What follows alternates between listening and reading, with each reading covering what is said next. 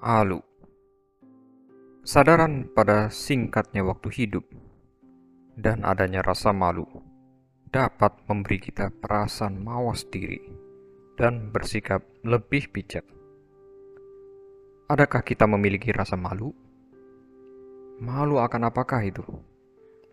Rasa malu dikarenakan kita pasti menghadap Kristus pada waktu yang tidak kita ketahui akan menjaga kita untuk tetap tinggal di dalam Kristus dan memiliki keberanian untuk menghadap Dia.